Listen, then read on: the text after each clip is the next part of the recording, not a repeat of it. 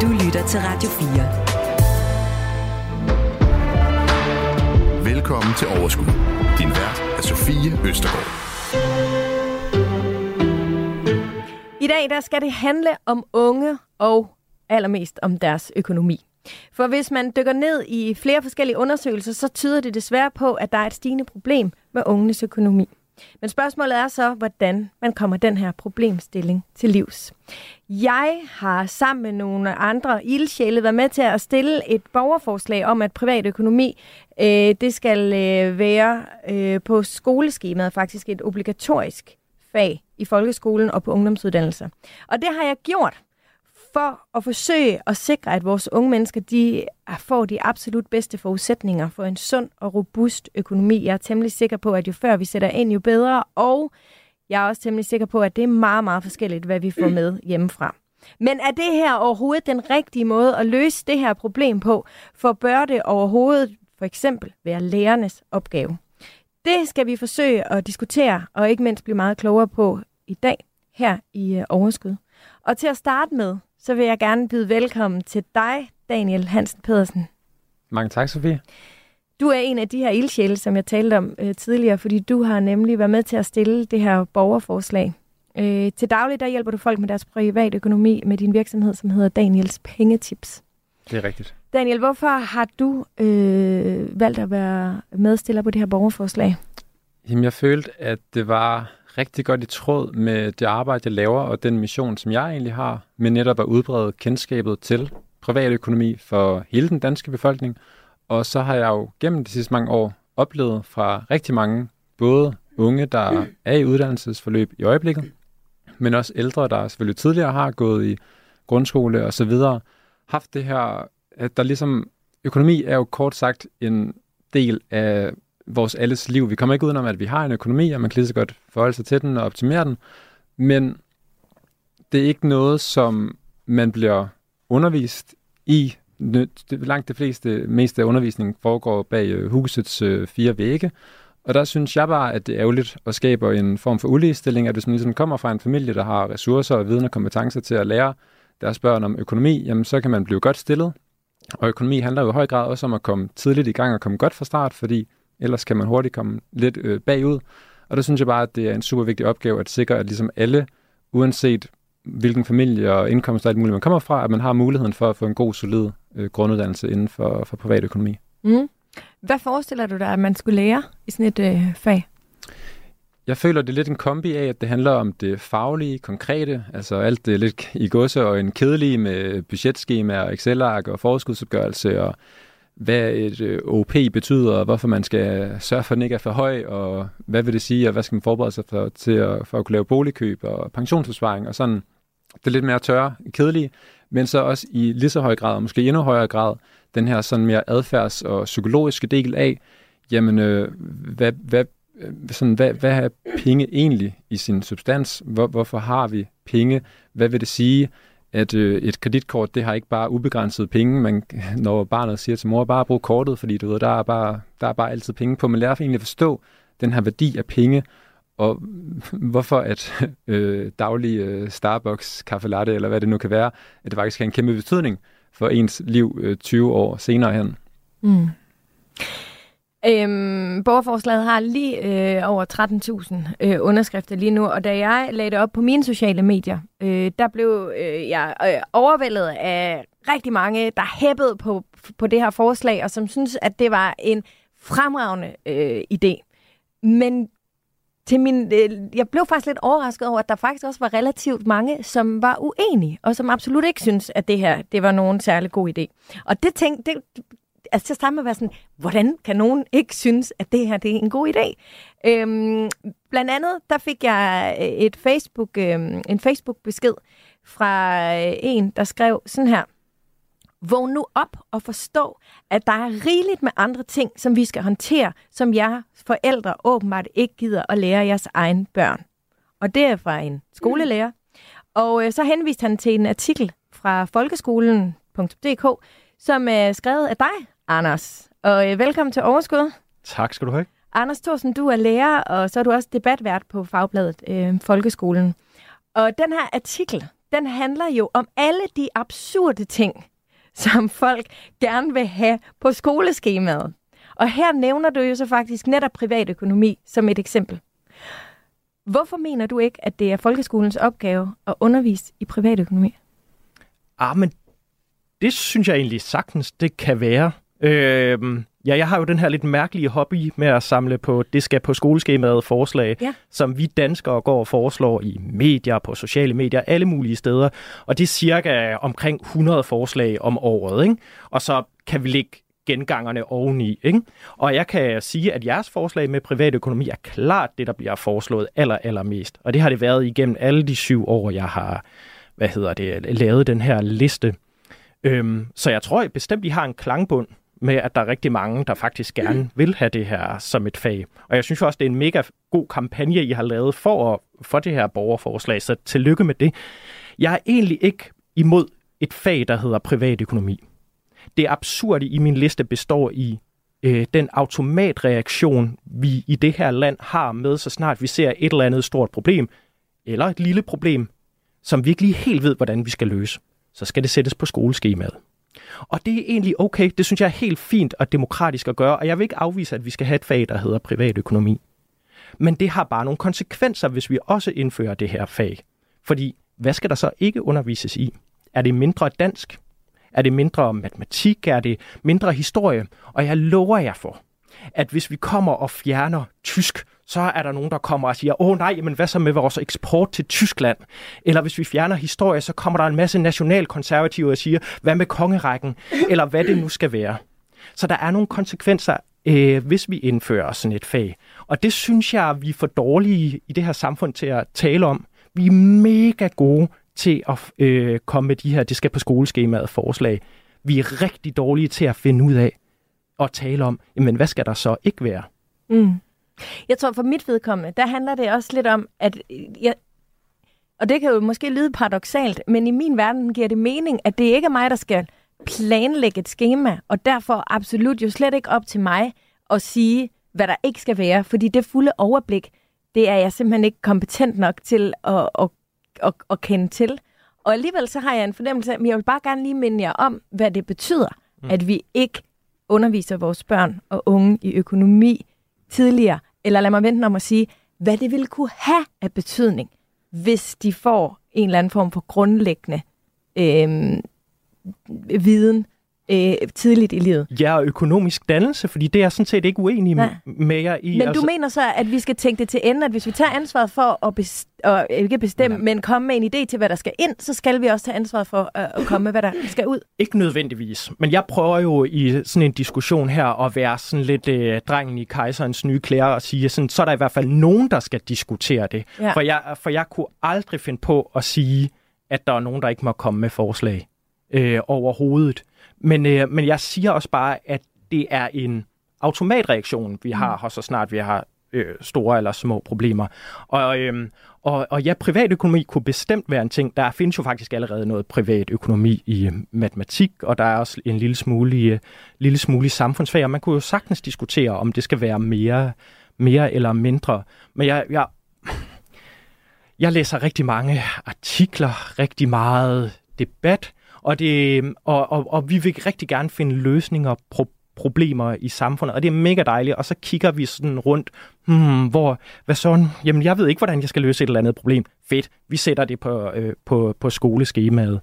Øhm, så ja, det er jo nok mere det, der er pointen, og nej, jeg afkræver ikke jeres svar på, hvad der så ikke skal være, for det er klart, det kan man jo ikke, hvis man ikke har sin daglige gang i skolen, eller ikke sidder i undervisningsministeriet, så kan man jo ikke vide det. Men jeg synes faktisk, det er et relevant spørgsmål mm. at stille til, når folk de kommer med forslag. Jamen, hvad skal der så ikke være? Ja. Og nej, jeg kunne aldrig finde på at, at, at skrive, i hvert fald ikke så direkte med det der med sådan, "Ja, nu må forældrene også tage sig sammen fordi, øh, og lære deres børn det. Fordi der synes jeg faktisk, at du har en, øh, en pointe i det der med, jamen, der er jo en helt vildt meget ulighed der i, med hvor meget økonomisk dannelse og hvor meget ens forældres viden Mm. er, øh, når, man, øh, når man er derhjemme. Og der synes jeg da egentlig faktisk, at skolen sagtens kunne have et ansvar. Ja. Så I må, bare, I må ikke tro, at jeg sådan bare er modstander af jeres økonomiforslag. Det er jeg ikke. Jeg er modstander af, eller i hvert fald kritisk over for mængden af forslag, vi bare skal fyre den af. Ikke? Ja. Og så er det jo sådan, at, at, at, så, at, at så siger alle, ligesom du gør,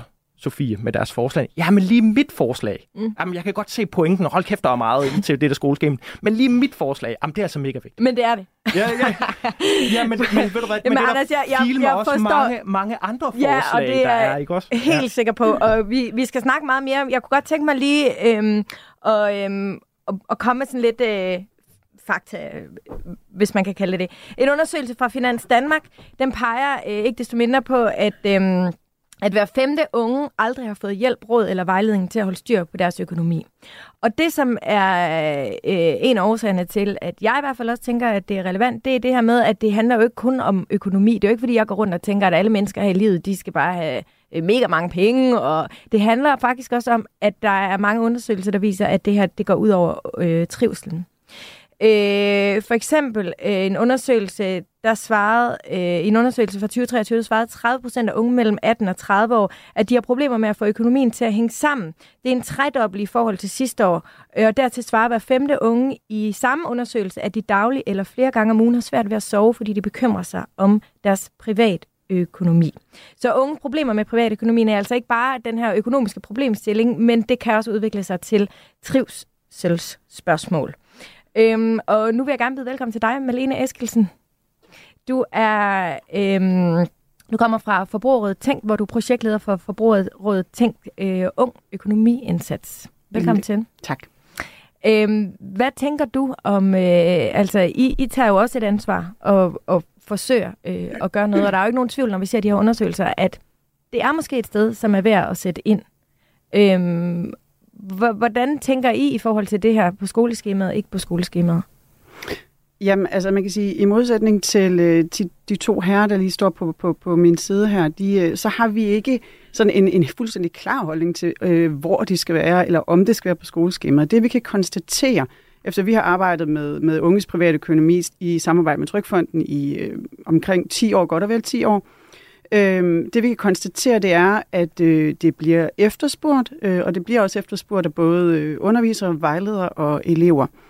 Øh, de oplever ikke, at de får øh, den, den undervisning, men i høj grad også den samtale, den støtte, øh, som de synes, at de har brug for. Så, så på den måde kan man sige, så, så ja, så er det sådan set øh, et fint udgangspunkt, at vi skal tale mere om det.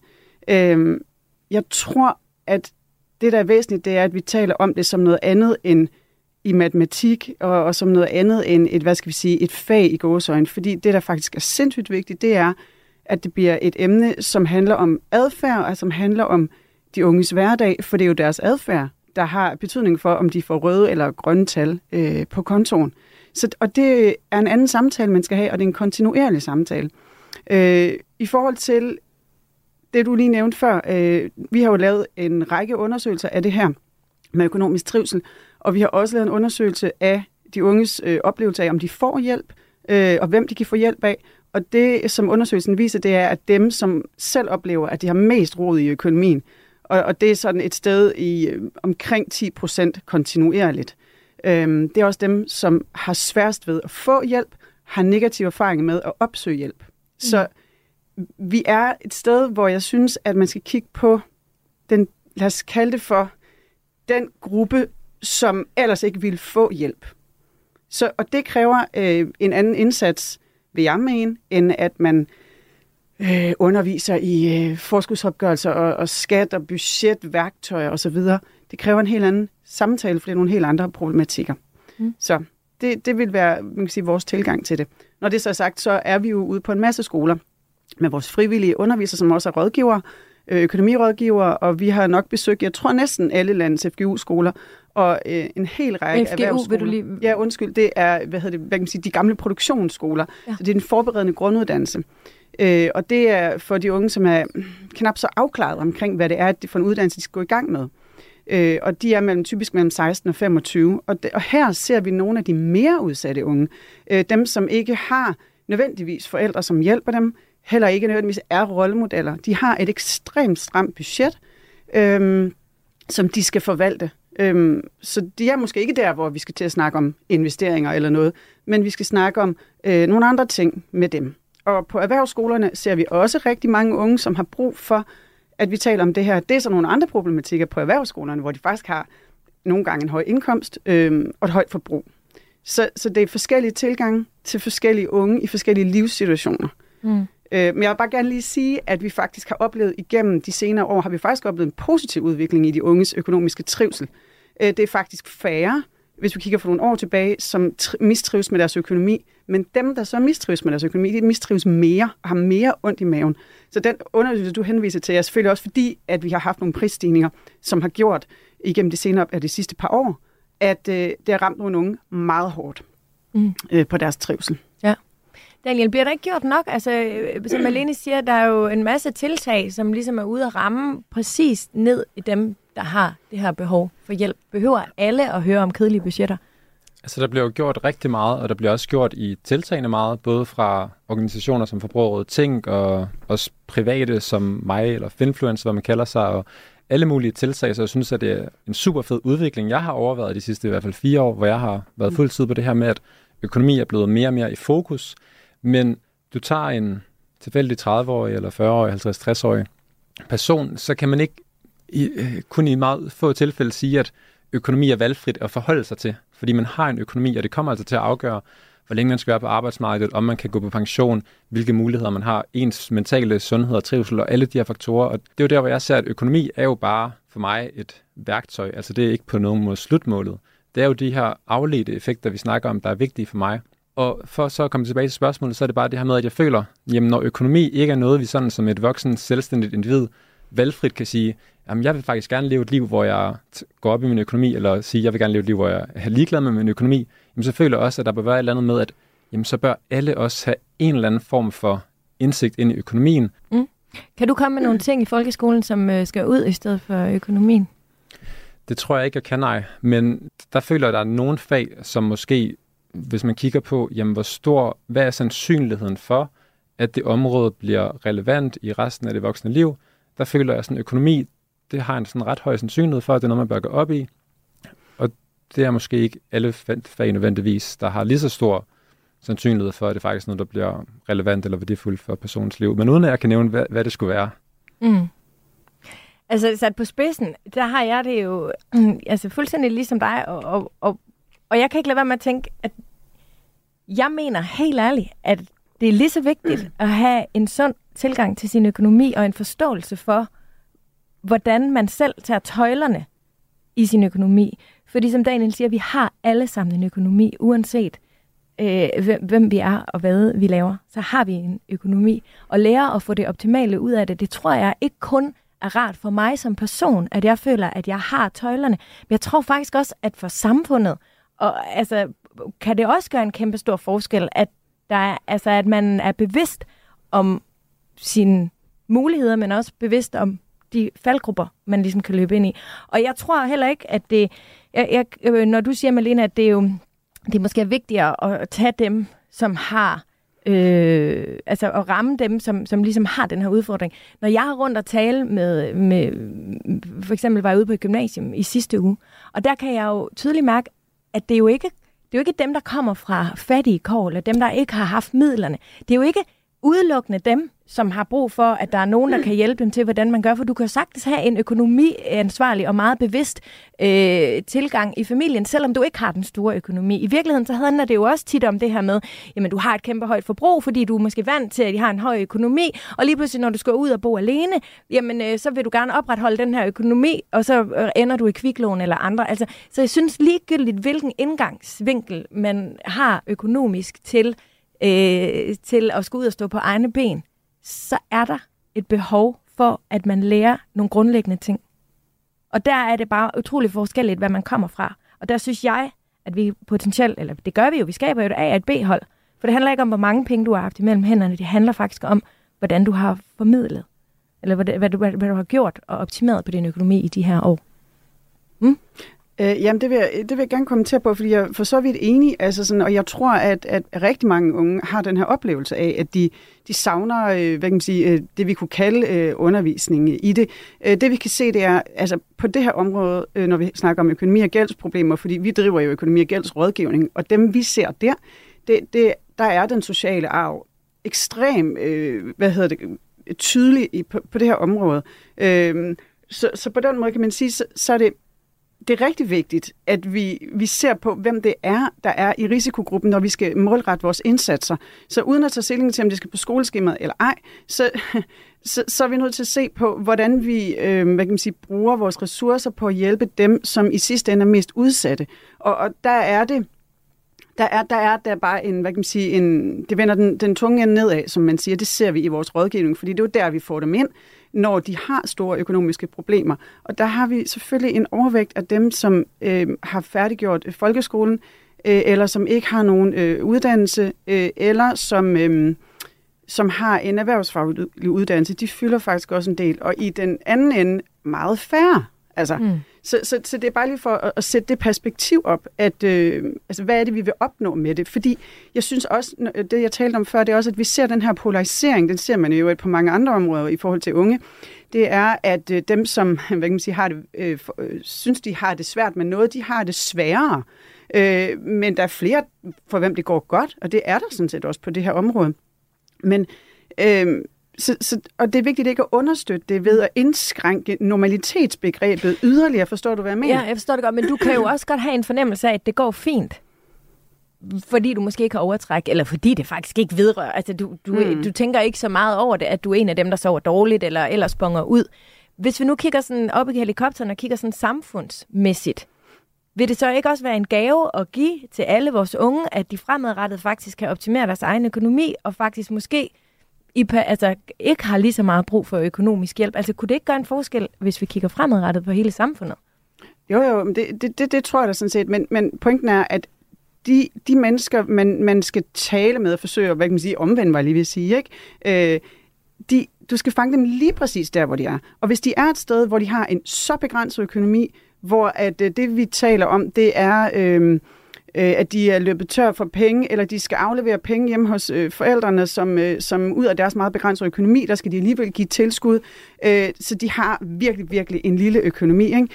Øh, så er det måske ikke der, vi skal begynde at tale om øh, investeringer og, og forskudsopgørelser, men vi skal tale om noget andet, nemlig øh, en, et element af skat, nemlig hvordan undgår du en kæmpe restskat. Så vi er nødt til at selektere og ramme dem der, hvor de er. Så, så det er sådan set det, jeg mener, det er, at vi skal virkelig have en specifik tilgang, for ellers praller det fuldstændig af. Ja. Og vi er også nødt til at se på, hvad det er, de i forvejen kan. Jeg, jeg har oplevet, at vi øhm, på et tidspunkt var ude på en skole, hvor at det vi egentlig skulle, det var at undersøge, hvordan, hvordan, øhm, hvilke betalingsmidler bruger de, og hvad betyder det for deres forbrug. Og det, der skete, var, at når vi satte positiv fokus på, altså spurgte dem, hvad gør I i forhold til styr på deres økonomi, så vidste de det faktisk ikke helt. Så forskede vi lidt i det og granskede lidt i det, og så opdagede de faktisk, oh, jeg gør faktisk allerede noget. Det kan godt være, at det ikke er det, som min lærer fortæller mig, det er heller ikke det, banken fortæller mig, men jeg gør faktisk noget. Jeg laver snubletråde eller benspænd, eller jeg ringer til min øh, far inden, eller mm. jeg sparer op i kontanter. De har mange små regler for sig selv, de unge. Ja. De er super kreative og gør det rigtig godt. Det er det, jeg synes, vi skal sætte positivt fokus på, frem for at sige, nu skal du lære den her budgetmodel. Ja. Eller nu skal du Men lære at udregne OP. Er det ikke netop det, Anders, man kan i folkeskolen? Fordi vi ved jo, at, at børn allerede fra sådan treårsalderen begynder at være øh, bevidste om penge og om, om, om øh, værdi og sådan noget. Ikke? Vil man ikke netop i folkeskolen kunne lave et fuldstændig tilpasset forløb, hvor man så sagde, at godt i 0. er det det, i første er det det, i anden er det det, fordi der kan vi jo ramme dem lige præcis, hvor de er i deres hverdag. Altså, Sofie, du har en pointe i det almendannende for alle. Øh, og, og, og altså, det giver mening, at der er noget, der ligesom skal ramme alle eleverne. Men jeg synes også, du har en, en pointe, Malene, i forhold til det, som er skolens helt generelle problem. Fordi det handler ikke kun om økonomi. Det er, hvordan med den sidste gruppe, som vi faktisk heller ikke kan ramme, som os ofte er den gruppe, der har svært ved at lære at læse og have matematik øh, øh, færdigheder til at kunne tage sig en uddannelse bagefter. Øhm, og den nød er bare overhovedet ikke knækket. Og der tror jeg, det er mega godt, at der er nogle tilbud, hvor der kan komme nogen udefra, så det ikke er de der ansigter, man ser på hver dag, men der kommer nogen, der er lige præcis specifikt engageret i det, som kommer, som kommer udefra. Så respekt for jeres tiltag og andres tiltag i øvrigt også. Øhm, ja, så der, så der er en pointe. Ja, der er, også, er altså også en pointe i, at hver gang jeg møder matematiklærer, ah, måske ikke hver gang, men jeg møder ret mange matematiklærere, så prøver jeg at huske på at spørge dem om, hvad, hvad, hvad gør I egentlig? øh, med det der økonomi i jeres undervisning, for det er en del af målene og fagbeskrivelsen for matematik. Nu er jeg ikke selv matematiklærer, men jeg har undersøgt det. Det er en del af, at man skal have, have noget privat økonomi. Jeg er selv samfundsfagslærer, hvor der også er en lille snas af det. Ikke så meget, men det, øh, men det er der rent faktisk også. Så der er jo allerede noget, så diskussionen er, om det så skal være et selvstændigt fag, og hvor meget der skal være. Øh, og, man, og, og man kunne måske også have den pointe, som du også har, Sofie, med, at man øh, at det er måske for sent at starte, når man kommer op i altså i udskolingen og prøver at lægge budget og sådan bum, bum, bum. Men jeg synes der også, der er en anden pointe i, at måske er der også noget, som slet ikke er relevant, når man går i 7. og 8. klasse. Og Hvad, skal hvad have, kunne det være? Jamen altså, selvangivelse, som jeg eksempelvis nogle gange siger sådan, hvorfor har de ikke lært i folkeskolen at lave en selvangivelse? Jamen er det i virkeligheden relevant, når man, øh, for, for nogen, der er 14 år? Øh, er det ikke, måske i virkeligheden ikke noget, der netop er relevant, når man netop går på en FGU eller øh, sin en anden ungdomsuddannelse, når man kommer op og være, er sådan, altså, begynder at blive myndig og sådan. Ikke? Så jeg synes også, vi skal være skarpe på, jamen, hvad er så relevant? Men lad os, hvornår? øh, lad os høre Daniel om det. Hvad er relevant hvornår? Jamen, jeg synes, det er relevant at sætte den på det tidspunkt, hvor at det faktisk også giver mening i deres liv. Øhm, altså, jeg, for, jeg begyndte selv, og noget af det første, hvor jeg fik bekendtskab med økonomi, det var, at jeg begyndte at, at handle ind for mine forældre, eller sådan blev sendt hen til købmanden. Og der begyndte det, det var så sådan selvlært, fordi jeg godt kan lide at kigge på tal, men der begyndte jeg at gå op i tilbud og kilopriser, og hvor meget skulle vi købe, og i dag vil jeg jo så også gerne gå op i, sådan, hvor meget har vi egentlig brug for at købe. Det gik jeg ikke så meget op i dengang. Det var mere sådan at spare mest muligt. Men jeg tror, at det handler netop om, som øhm, der også bliver fortalt her, at jamen, man skal ikke lære om selvangivelse, hvis det først er noget, man skal bruge 10 år senere, øh, eller måske ikke engang får brug for. Men det handler om at sætte ind der, hvor man ligesom er i øjenhøjde med barnet, eller teenageren, eller den unge, og lave noget, som er relevant for dem på det pågældende tidspunkt, hvor det kan være, at jeg starter med at finde ud af, jamen, øh, hvad, hvad betyder priserne i supermarkedet, så senere forstå, hvad, hvad vil det sige at have et øh, dankort og kredit, og hvad vil det sige at optage lån, når man kan det, og hvad vil det sige med netbank, når man får det som 15-årig, eller hvornår man kan få det. Men så ligesom følge, følge udviklingen på, på personen. Ja. Men det vil da være muligt, Malene, at lave et øh, altså, tilpasset forløb, så vi netop møder børnene, og de ikke skal vide alt muligt, de overhovedet ikke skal bruge i praksis. Jamen, det, det, det tror jeg i princippet sagtens, man kunne, øh, hvad hedder det, øh, jeg tror, det var Danske Bank, som på et tidspunkt lavede en meget fin undersøgelse, eller sådan en, hvad kan man sige, sådan en, en, øh, ja, en undersøgelse af, hvad er det, man skal vide på bestemte tidspunkter, hvilke færdigheder øh, er det, vi arbejder med her. En syvårig skal lære, at penge har værdi, og putte dem nu i sparekrisen, øh, og så videre, ikke? Så, så jo, det kunne man sikkert godt, men altså noget af det, som, som jeg har set sådan igennem årene, det er også, at det, det er ikke så meget i faget, og den, hvad, hvad skal vi sige, den i går så en rationel samtale, som batter, men der, hvor der kan være en, en udfordring, man kunne tage fat på, det er, hvad er det, vi lærer børnene? Og det gør vi jo i fællesskab i, i skolen. Nu har vi arbejder vi ikke med folkeskoleelever, men nu fordi jeg interesserer mig for det, så har jeg også sådan kigget, hvad der foregår rundt omkring og hører historier. Øhm, og en af udfordringerne er jo, at de voksne synes, det er svært at sige, øh, nej, vi vil ikke give så mange penge i gaver, eller kunne vi skrue ned for budgettet her? Eller øh, det er fint, hvis I giver en hjemmelavet ting, vi behøver ikke at købe store gaver, eller altså, at man simpelthen skubber det ind den vej rundt, fordi det er i høj grad det sociale fællesskab, det handler om det også. Det er det, det handler om hele livet igennem. Mm. Altså, at du gør rigtig meget, der får økonomiske konsekvenser, fordi du gerne vil være en del af fællesskabet. Det er også det, vi ser, når de så bliver ældre, så er det, at de synes, det er svært at sige nej til noget. De tror i virkeligheden, at alle andre har råd. Øhm, og det er også det, de har oplevet hele vejen igennem. Ja. Så fordi man ikke tager den snak, og den er skidesvær, at være den, som siger, prøv at høre, skal vi ikke bare øh, lave noget billigt og ikke gå ud og spise, øh, fordi at det er der nok nogen, der ikke har råd til. Så på en eller anden måde er det man nok nødt til at gå lidt efter laveste fællesnævne og vise, at vi har et inkluderende fællesskab, og det skal man gøre allerede fra starten af. Det tror jeg er vigtigt. Ja.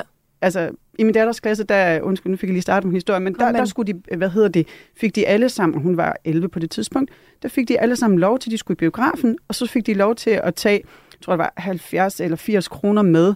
Øhm, og det sagde jeg så bagefter, det synes jeg faktisk var en dårlig idé, fordi at Altså jeg til, ved, til slik eller popcorn Til slik, eller sådan. Ja. og det sagde okay. jeg så, jeg ved, at der er nogen, som har svært ved det her. De har svært ved, at de skal give, øh, lad os sige, du har fem børn. Mm. Øhm, I det her tilfælde seks, ikke? så skal de alle sammen lige have 70 kroner med. Ikke? Og pointen var, at det var meget pædagogisk og matematisk, så kunne de jo finde ud af, hvor meget øh, popcorn og slik de kunne få for pengene. Og det er selvfølgelig en matematisk øvelse. Det er bare ikke en øvelse i at sige, vi sætter grænsen et andet sted, så Ja. alle kan være med. Øhm, og netop Så de den snak kunne man godt tage. Ja, øhm, jeg er helt enig. Øhm, og Daniel, inden du kommer på banen, så kunne jeg godt tænke mig lige at spørge jer, fordi det, som du også taler lidt ind i her, Malene, det er jo også lidt, at økonomi bliver jo ofte lidt et, en tabuiseret samtale. Noget, som vi ikke rigtig tør at snakke om, og noget, som... Altså, jeg har oplevet i mine 30'er, at jeg står over for veninder særligt, men også nogle venner, der er sådan, jeg har ikke med i klubben. Jeg har aldrig været med i klubben. Hvorfor er der ikke nogen, der har inviteret mig ind i den her klub?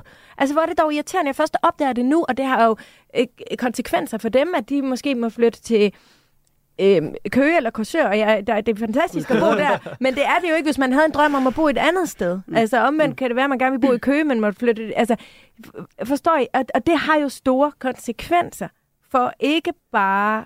Mm, altså, øh, jamen for hverdagen og for drømmen, og for det, man gerne vil give sine børn, der måske kunne blive boende ved siden af nogle af deres venner, og alle de her forskellige ting. Så uanset hvad, kunne det så ikke være en idé at starte tidligere med, at det er en naturlig snak om økonomi, og vi har ikke alle sammen lige meget, og det er helt okay, og vi må gerne sige fra. Det tænker jeg da er en kerneopgave for folkeskolen, Anders. Jamen, du taler da bare så godt for dine sag, Sofie. Meget engageret, vil jeg sige. Øh, og det er, jo, det, er, det er jo dejligt. Jo, måske. Altså, så længe vi husker på konsekvenserne øh, af det, at så er der jo noget, der skal være mindre af i skolen, og hvad skal det så være? Altså ikke? sat på Og så- spidsen og så- er det vigtigt, hvordan man laver en lasagne, eller hvordan man øh, øh, Det er også øh, maler. øh, Altså, Øh, det, det ved jeg ikke, det, er- det er der jo alle mulige jeg synes, det er vildt vigtigt at være kreativ, så det er heller Jamen, ikke... det, det, men- det, det, pointen er jo, at det er der alle mulige holdninger til. Ja. Og øh, folkeskolen er bare noget, vi alle sammen går og basher på, øh, til og har holdninger til. Øhm, så så snart øh, at vi indfører øh, privatøkonomi på skoleskemaet, og så, øh, og så har vi mindre, øh, hvad ved jeg, øh, ja, øh, øh, billedkunst, så for at tage noget kreativt. Det er svært at være den, der hakker noget af Jamen, ikke? nemlig lige præcis, lige Ja. ja. præcis, så vil der komme en masse sige, sådan, hvad med, det, hvad med børnenes fantasi, hvad med deres kreativitet, Ja. og, sådan, og det skal vi jo bare være opmærksom på. Så vi har alle sammen en eller anden ting med, hvor vi basher løs på folkeskolen, og vi kan ikke det hele selvom vi gerne vil det hele. Og så har I mega gode argumenter, og dem hører jeg, og jeg er slet ikke sådan modstander af det, bare vi husker konsekvenserne. Øhm, lige, en, lige en kommentar også. Nogle gange er der også noget i det der med, at selvom, altså, at når vi stiller forslag til folkeskolen, så har, har vi også sådan en eller anden sådan en-til-en forestilling om, at sætter vi noget øh, på skoleskemaet, bum, så har vi også løst et problem. Og, og der er verden altså en lille smule mere sådan kompleks. Så, så selvom vi måske har den rigtige viden om økonomi, så er det altså ikke sikkert, at vi handler fornuftigt af den grund øh, sådan økonomisk. Det ved vi med alle mulige ting. Mm. Øh, altså, hvor mange, hvor mange kollegaer har jeg ikke, og jeg selv, der sådan prædiker god opførsel, og hvordan skal vi være sammen, bum, bum, bum, og så kan vi se på kommentarsporene på sociale medier senere, hvor, hvordan vi sidder og sviner hinanden til. Ikke? Bare som et, et hverdagseksempel på, at bare fordi vi har den rigtige viden om, hvordan vi skal opføre os, er det ikke sikkert, at vi nødvendigvis får en perfekt sådan, opførsel. Øh, Hvis af ikke det den bliver grund. praktiseret og men, bakket men, op om. Men ja. det betyder jo ikke, at vi ikke skal undervise i det nødvendigvis. Det kan vi jo øh, kan vi godt. Altså, så, er der i hvert fald, altså, så kan man i hvert fald handle på et eller andet mere sådan oplyst grundlag, hvis man har en viden om økonomi, eksempelvis. Mm.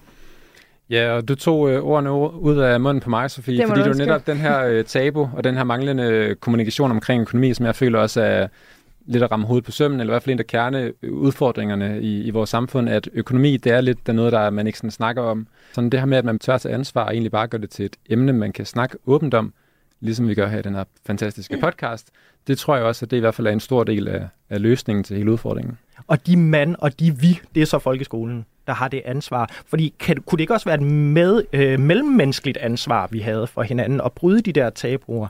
Hvorfor er det altid folkeskolen, der skal bryde de tabuer? Det er bare sådan et åbent spørgsmål ud. Ikke? Det er, vi t- igen, vi tager det for givet, at sådan, Nå, så skal det være i folkeskolen. Mm. Men det er fordi, vi har sådan en vidunderlig folkeskole med så mange kæmpe, dygtige, engagerede lærere, som rammer vores børn, og som er sammen med dem. Jeg ved ikke, hvor mange øh, timer hver eneste dag. Og hvis vi skal sikre, at alle gør det, for man kan også lave det til en eller anden, du kan gå til økonomi, men hvem er det, der vil sende deres børn til økonomi? Det er jo formentlig dem, som i forvejen måske godt kunne sidde derhjemme og lære noget fra sig. I møder jo børnene der, hvor de er sammensat.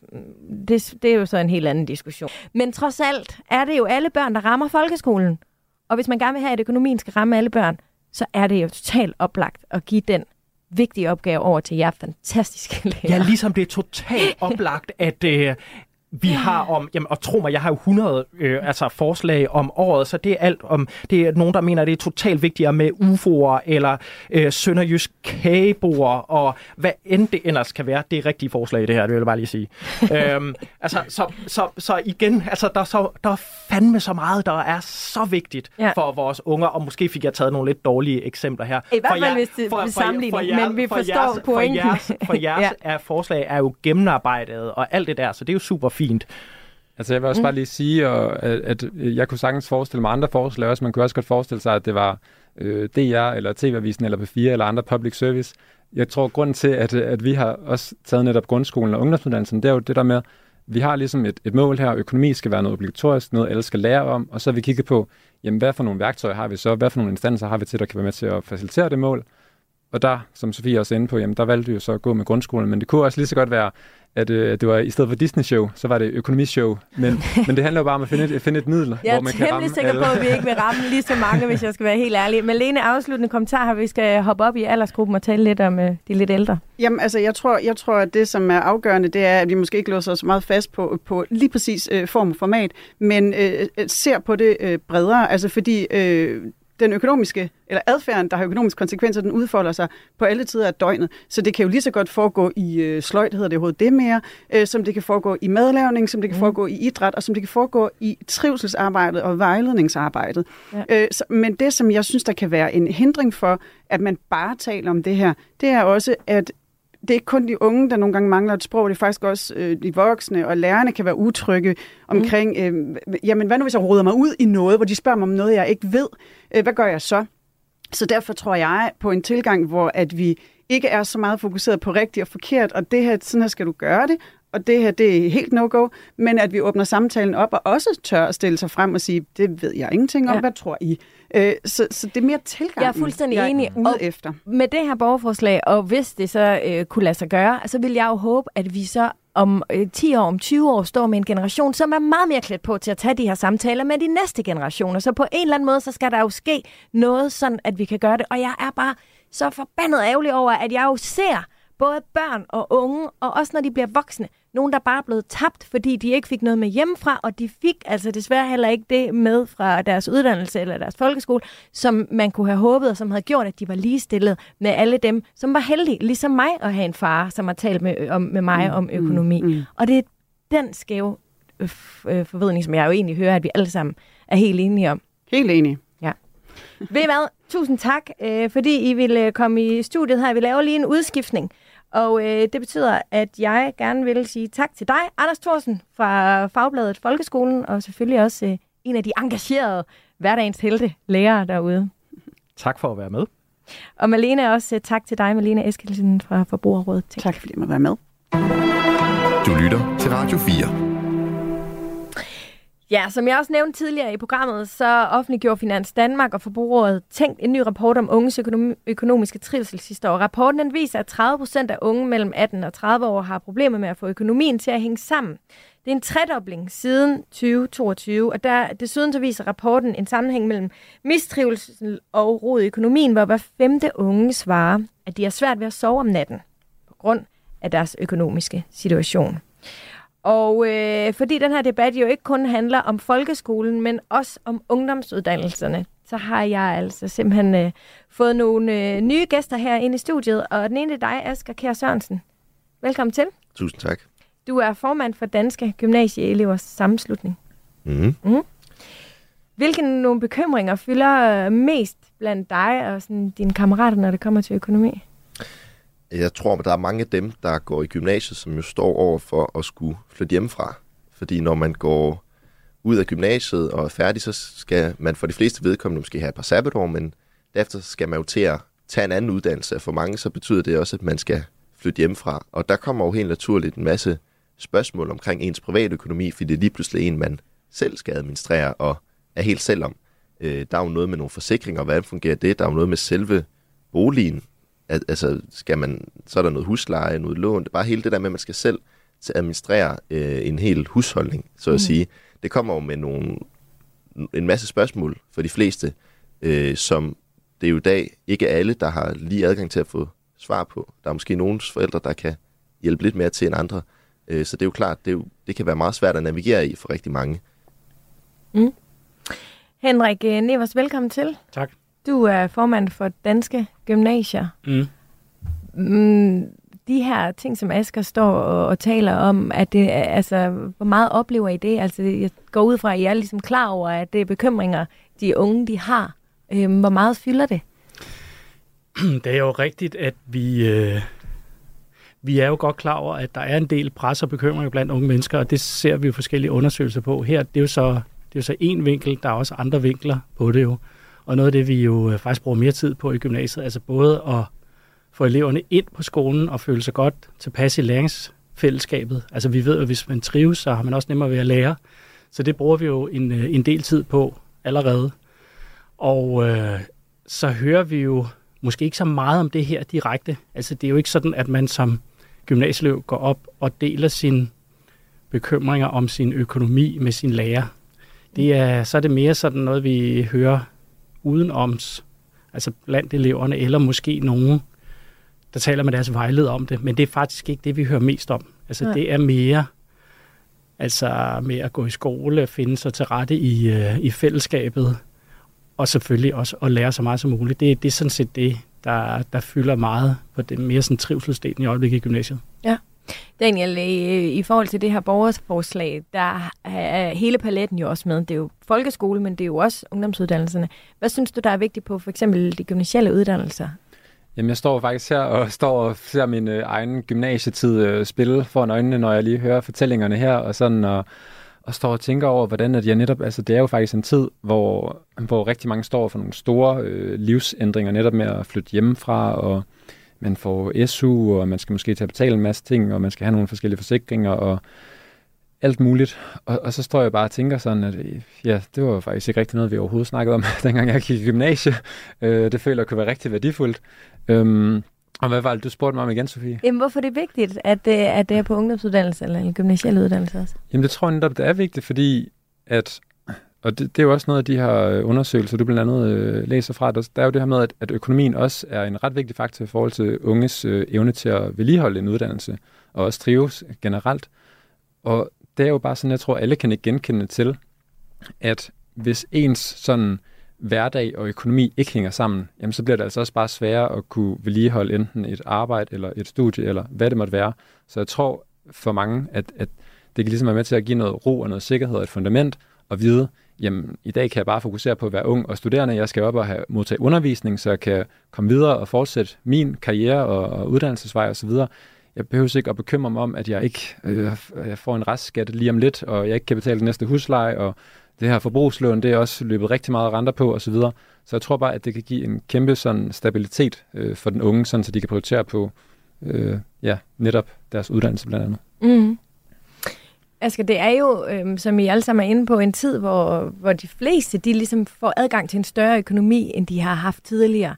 Der er nogen, der får SU, der er, øhm, er nogen, der flytter hjemmefra, og ligesom skal varetage en økonomi. Udover det, så er det jo også ofte i lige omkring de her år, at hvis man er så heldig, at man for eksempel har en børneopsparing, så er det også ofte her, at den bliver frigivet. Og der kan jeg huske fra mit eget øh, liv, hvor vigtigt det var, at jeg havde en eller anden form for økonomisk sans. Når jeg taler med Sebastian, min kæreste derhjemme, så fortæller han, at han fik utrolig meget fedt tøj, og der er rigtig mange øl for den der børneopsparing, og det var fedt dengang, men han siger også i dag, hold kæft, hvor kunne det have været anderledes, hvis jeg havde brugt den børneopsparing som for eksempel udbetaling til en lejlighed, eller måske starten på et investeringseventyr. Det er jo markant den forskel, det kan gøre, at man er bevidst om det, og man ikke øh, er forskellen på at være bevidst og ikke bevidst. Jeg skal gøre gymnasierne nok for, for jer unge. Altså, som det er i dag, så gør gymnasierne jo ikke så meget på det her punkt. Øhm, man kan sige, at der er nok nogle steder, som har nogle, nogle eksterne ind og kunne lave noget temadage en gang imellem. Men det er jo langt fra noget, som, som alle støder på i løbet af deres gymnasietid. Man kan sagtens gå tre år i gymnasiet, uden at lære noget som helst omkring, hvordan man administrerer en privat økonomi, eller hvad man skal være opmærksom på, når man optager gæld, eller, eller hvordan man øh, ved, hvilke forsikringer man skal have, og sådan nogle ting. Øh, det gjorde jeg for eksempel selv. Øh, så så det, er, det er slet ikke noget, som der er et særligt stort fokus på alle steder, i hvert fald i dag. Mm. Selvom at Er det godt nok? det, altså man kan sige, hvis man kigger på elevgruppen, så er der jo i hvert fald et rum for at kunne lære noget om de her ting. Fordi det, der er fælles for alle dem, der går på gymnasiet, er jo, at de står et sted i livet, hvor de lige pludselig skal til at ud på, på den her økonomiske spillebane. Mm. Øh, men det, der også er fælles for dem, er, at, eller det, der ikke er fælles for dem, er, at de ikke har de samme forudsætninger for at gøre det, fordi der måske er nogen, der kan få mere hjælp og støtte og vejledning hjemmefra, end andre kan. Øh, så det gør jo, at man ikke helt starter på de samme forudsætninger, og der kunne gymnasierne jo sagtens gå ind og spille en rolle og sørge for, at alle var klædt på Mm. til at kunne træde ind i voksenlivet. Alle var klædt på til at kunne administrere sin egen økonomi, fordi som du også fortæller øh, med historien med din kæreste, altså de økonomiske valg, man træffer på det tidspunkt, når man lige er ved at flytte hjemmefra, hvor man får sin børneopsparing, hvis man har sådan en, det er jo nogen, som også sætter spor længere i livet, og som gør, at man kunne have haft en anden økonomi, hvis man havde valgt at administrere de penge lidt bedre, eller hvis man havde valgt at bruge dem på en bolig, eller hvad ved jeg. Eller hvis man kommer til at optage en gæld, man ikke skulle have optaget, fordi at man ikke lige var opmærksom på, hvor meget der var i rente, og hvad ved jeg. At man kan træffe nogle økonomiske valg, som faktisk kan sætte spor ret langt ind i voksenlivet. Øh, og det er jo klart, der kunne gymnasierne jo sagtens gå ind, og det mener vi egentlig også, de burde gøre, burde gøre, gå ind og spille en lidt mere aktiv rolle i at sørge for, at alle eleverne, lige meget hvilket hjem de kommer fra, er lidt bedre klædt på til at kunne træffe de valg. For Ja. de valg skal jo træffes lige meget hvad.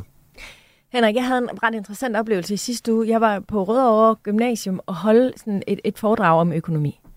Og lige der kommer det ud, så siger øh, læreren sådan, ja, normalt så er det sådan øh, obligatorisk at møde til foredragene, men det er det altså ikke lige med dit. Så tænker jeg bare, okay, super fedt. så kommer der til at sidde sådan tre mennesker, og det bliver bare virkelig nederen.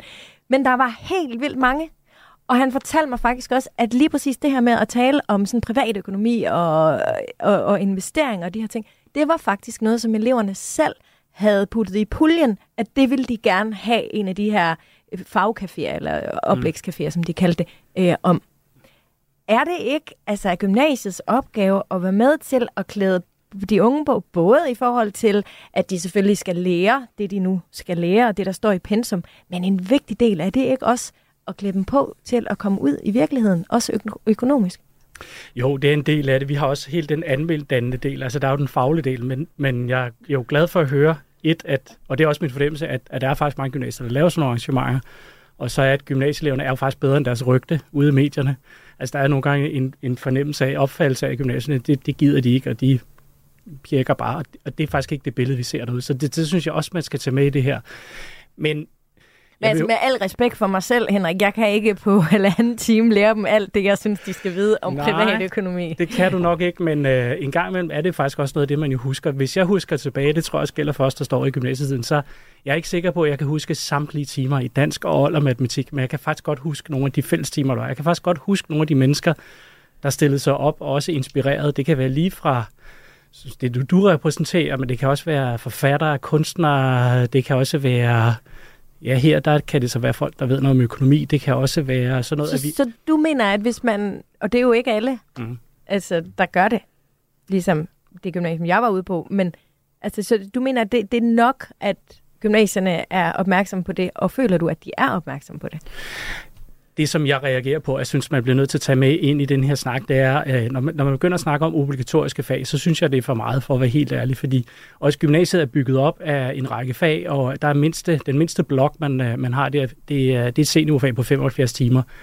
Og så skal man jo begynde at tage noget ud. Altså, skal vi så være at undervise i dansk, skal, skal man i stedet for at have dansk på A-niveau, skal man så dansk på B-niveau. Det er måske sat på spidsen, men, men der er jo også en tendens til, at man lægger flere og flere opgaver ind, som skolen, altså skolen, uddannelsessystemet bredt set skal løse, og som hvis man putter meget ind, jamen hvad er der så af tid tilbage til det, der er? Og der bliver vi også nødt til at sige, at vi bliver også stillet over for nogle faglige krav, og det vil eleverne selvfølgelig også have et højt fagligt niveau, det vil politikere gerne. Og det er ikke fordi, jeg har intet mod det her emne, men man bliver nødt til at tage den overvejelse, at jo mere vi putter ind, og så gør det obligatorisk, jamen er der så tid til at lave alle de andre ting? Og det er også en periode, vi har taget andre fornuftige ting ind, altså bæredygtighed er blevet skrevet ind i, i formålsparagrafen på, på ungdomsuddannelserne for nylig. Vi har nu obligatorisk... Er det vigtigere end, at, end, at, end sin egen sund, øh, ansvar for sin egen økonomi? Det, det, det synes jeg faktisk, det er. Altså, det er jo et af de, de helt store udfordringer, vi står som, med som, som menneskehed i virkeligheden. Ikke? Altså et af det, man kalder epokale problemer. Altså en kæmpe udfordring. Kan vi overhovedet bo på vores klode? Det vil, det vil jeg tillade mig at sige, ja, det synes jeg. Og det har også, øh, det kan alle fag inddrage fagligt at arbejde med. Så har vi taget sådan noget som seksuel undervisning ind. Det er jo blevet øh, obligatorisk. Men der er jo ikke som sådan sat timer til det, af til det. En anden ting, som jeg også er meget politisk om, det er, det er for eksempel skærmbrug øh, og lægge mobilerne væk. Det kan man sige, det kan godt være, at det frigiver noget, noget tid og energi forhåbentlig, men så er der hele skærmbrugs, øh, hvad hedder det, problematikken. Jeg har også ja. i sidste uge blevet interviewet om elever, der, der er, bliver spilafhængige, altså gambling, online gambling. Vi har også klassiske problemstillinger med rygning, misbrug osv. Og det er bare for at sige, og ja. udfordre, ja, vi kan, da, vi kan godt tage ting ind, men, men, men hvad skal vi så tage ud, og hvad er det, vi ikke længere skal gøre? Daniel, på den her liste af alle de ting, som Henrik han nævner nu, altså hvor placerer øh, økonomi sig så for dig, tænker du? Og oh. er det at skyde over mål, at det skal være fem, altså 75 timer, altså et selvstændigt fag, obligatorisk fag? Ja, det tror jeg egentlig 75 timer, det tror jeg, det er, det er at skyde en del over mål. Nu ved jeg heller ikke sådan noget som seksualundervisning, du nævner, der også bliver obligatorisk. Er der noget tidsomfang på det? Nej, og det, og det er sådan en af problemstillingerne, det er jo både, øh, særligt folkeskolen har jo de her timeløse fag, altså nogle emner, nogle temaer, man skal undervise i, men der er ikke rigtig sat tid af til det, og det skal man så finde inden for den eksisterende fagrække. Så det vi står med nu i gymnasiet, seksualundervisning, det er, at der er sådan set ikke sat noget tid på, men, men vi skal finde tiden. Og, øh, og, og, og det er det så er det op til den enkelte lærer at finde ud af, hvad der så skal Ej, ryge, eller hvad? Det er, op til, det er op til skolen at lave det. Okay. Men, men det er jo også at sige, så er der måske øh, nogle af timerne i dansk, nogle af timerne i matematik, de skal så gå til seksuel undervisning. Altså, det, det, fordi vi, altså gymnasieeleverne på min skole går i skole fra 8.10 til 15.10 hver dag. Der er ikke rigtig mere vel, og så skal man hjem og lave, læse lektier og skrive opgaver. Og jeg, jeg, mm. jeg tror ikke, at gymnasieeleverne synes, at de bare sidder og... Kugelure. Ja. Daniel, altså, kan du se, det her i virkeligheden ude på gymnasierne? Altså, jeg kan øh, sagtens se økonomi øh, ude på, på gymnasierne, men jeg tror også for mig, det er ikke så meget det der altså sådan timeomfang. Jeg har heller aldrig forestillet mig, at jeg fik et schema, og så var der privat økonomi tre gange om ugen. Det, det føler også, det er, det er for meget. Jeg tror for mig er det mere øh, det her sådan det, det obligatoriske øh, krav i det, det der med, at, at det ikke bare bliver et valgfrit, som jeg også nævnt tidligere i programmet. Nu var der dit foredrag, der også er, er valgfrit, men det der med bare sådan at, at gøre privatøkonomi både til sådan en del af pensum, hvor stort det skal være, hvordan det skal fylde, og hvor meget det skal fylde, jamen det er ikke mig, der har svaret på det. Det håber jeg, at debatter som det her kan hjælpe til, at man kan forhåbentlig måske finde en løsning på en gang. Mm. Men det der med at sikre, at det er altså ikke noget, man bare lige kan vælge fra, fordi som sagt, du kan ikke senere i livet bare sige, nej, jeg, jeg vælger det bare stadig fra, jeg vælger bare stadig fra, fordi så, så på et tidspunkt, så får man altså problemer. Ja. Oplever du, at øh, det kunne være en fin idé, det her med, at, altså, at man ikke kan vælge det fra? Eller tror du, Altså, vil, vil, vil gymnasieeleverne tage godt imod det, Asger? Vil de lytte? Eller vil det bare være sådan en time, man kan tillade sig at birke? Altså, jeg tror faktisk, det er noget, der vil blive taget godt imod af de fleste. Øh, fordi det er jo noget, som, som, som er meget relevant i forhold til den livssituation, man står i. Altså generelt, så altså, vi, vi vil gerne have noget undervisning, der er virkelighedsnært og, og, og giver mening i forhold til, til den hverdag, vi står i, men også den, vi skal ud i i fremtiden, når vi er færdige med gymnasiet. Det må man jo sige, det her det i hvert fald er. Altså, det er jo noget, som vi alle sammen kommer til at støde på, og som vi alle sammen kommer til at skulle bruge. Så det er i hvert fald meget relevant og virkelighedsnært. Så det tror jeg vil gøre, at der er ret mange elever, der vil synes, det vil vi gerne møde op til, det er spændende, det vil vi gerne have. Øh, og det, det kan man også, altså i forhold til det foredrag, du holdt derude på Rødovre, hvor det også var frivilligt, men der alligevel var, var flot fremmøde. Det tror jeg, det synes jeg siger noget om, at det er noget, der faktisk er efterspurgt, og det er noget, som de fleste gymnasier gerne, gymnasieelever gerne vil lære noget om. Mm. Så hvad kunne være løsningen, Henrik? Kan du lige klare den her i slutningen af programmet? Lige fortæl os, hvor, hvor det skal lande. ja, i hvert fald noget, noget af det. Jeg, jeg tror, man skal, man skal jo uh, man skal sætte sig ned og lave, sige, uh, hvad er det, der er det, hvad er kernen i det her? Hvad er det, hvad er det vigtige, og hvordan kan vi formidle det? Mm. Og, uh, og så er mit bud, at, at man laver for eksempel fælles timer og temadage på det her. Jeg tror også, der er forskel, hvor man ligger som gymnasier. Der er nogle gymnasier, hvor ens elever har kan man sige, har mere brug for det end, end, end andre. Altså, der, vi ligger også forskellige steder, har forskellige elevtyper. Og så skal man jo også huske, der er jo i mig væk en ret stor procentdel, der stadig bor hjemme hos mor og far, som, mus, som de har godt af det, men det er måske ikke spot on tidspunktet. Men det handler jo om i sidste ende at prioritere. Altså, hvad, hvor meget tid kan vi sætte af til det? Fordi, altså, indrømme, det, det, jeg synes også, øh, det, er, det er et vedkommende emne. Jeg tror faktisk også, som Asger siger, det er der en del, der vil, der gerne vil høre noget om.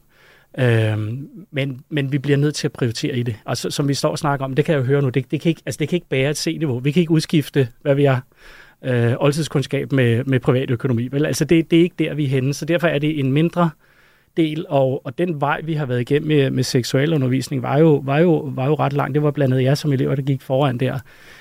Men vi bliver nødt til at tage snakken åbent. Hvad mm. er det, vi så siger, vi ikke gør? Hvad er ja. det, vi ikke prioriterer? Og jeg vil bare igen advare mod den tankegang, at alle problemer, vi står med, det skal skolen løse. Fordi så, så har skolen ikke kernen tilbage, altså fagligheden, dansk, matematik, engelsk, kunstneriske fag, idræt, altså det, som vi jo gerne vil have, at man har i den danske skole og det danske gymnasium. Mm. Der er der så bare nogen, der har en holdning til, hvad man også gerne vil have i den danske mange holdninger. skole. og, og der er det mange ønsker. Ja, og uh, uanset hvad, så er der ikke nogen tvivl om, at debatten, det er simpelthen første skridt på vejen. Og derfor vil jeg gerne takke jer rigtig mange gange, fordi I vil komme her i studiet i dag. Henrik Nevers, formand for Danske Gymnasier. Og øh, også tak til dig, øh, Asger Kjær Sørensen, formand for Danske Gymnasieelevers Sammenslutning. Og ikke mindst dig, Daniel Hansen Pedersen fra Daniels Pengetips. Tak skal I have. Selv tak. Jeg håber, at debatten den fortsætter, og vi får det sat på dagsordenen, så vi i hvert fald kan snakke mere om det. Men tak for i dag. Programmet her var tilrettelagt af Laura Lind og mig selv, og øh, bag knapperne sad Anna Paludan. Husk, at øh, vi har vores Facebook-gruppe, den hedder Overskud Radio 4. Du er meget velkommen, og øh, hvis du har en idé til et tema eller en kommentar, kan du også altid finde mig på mine sociale medier. Sara Mafut, hjertelig velkommen til Portrætalbum. I Portrætalbum bruger Anders Bøtter musikken til at vise nye sider af sine gæster. Vi havde bare sådan ting med, at se, det var bare fedt. Vi troede, vi var rigtig seje og rigtig bad. Det må godt være lidt farligt. Det må godt være lidt vildt. Så er det lidt sjovere, det der adrenalin. Altså, det er jo sikkert også det, der gør, at jeg godt kan lide boksning. Der gik jeg der rundt med sådan en bandana bundet om hovedet og baggy. okay. Jeg har været med på alle de der trends, der var dengang. Lyt til Portrætalbum i Radio 4's app, eller der, hvor du lytter til podcast.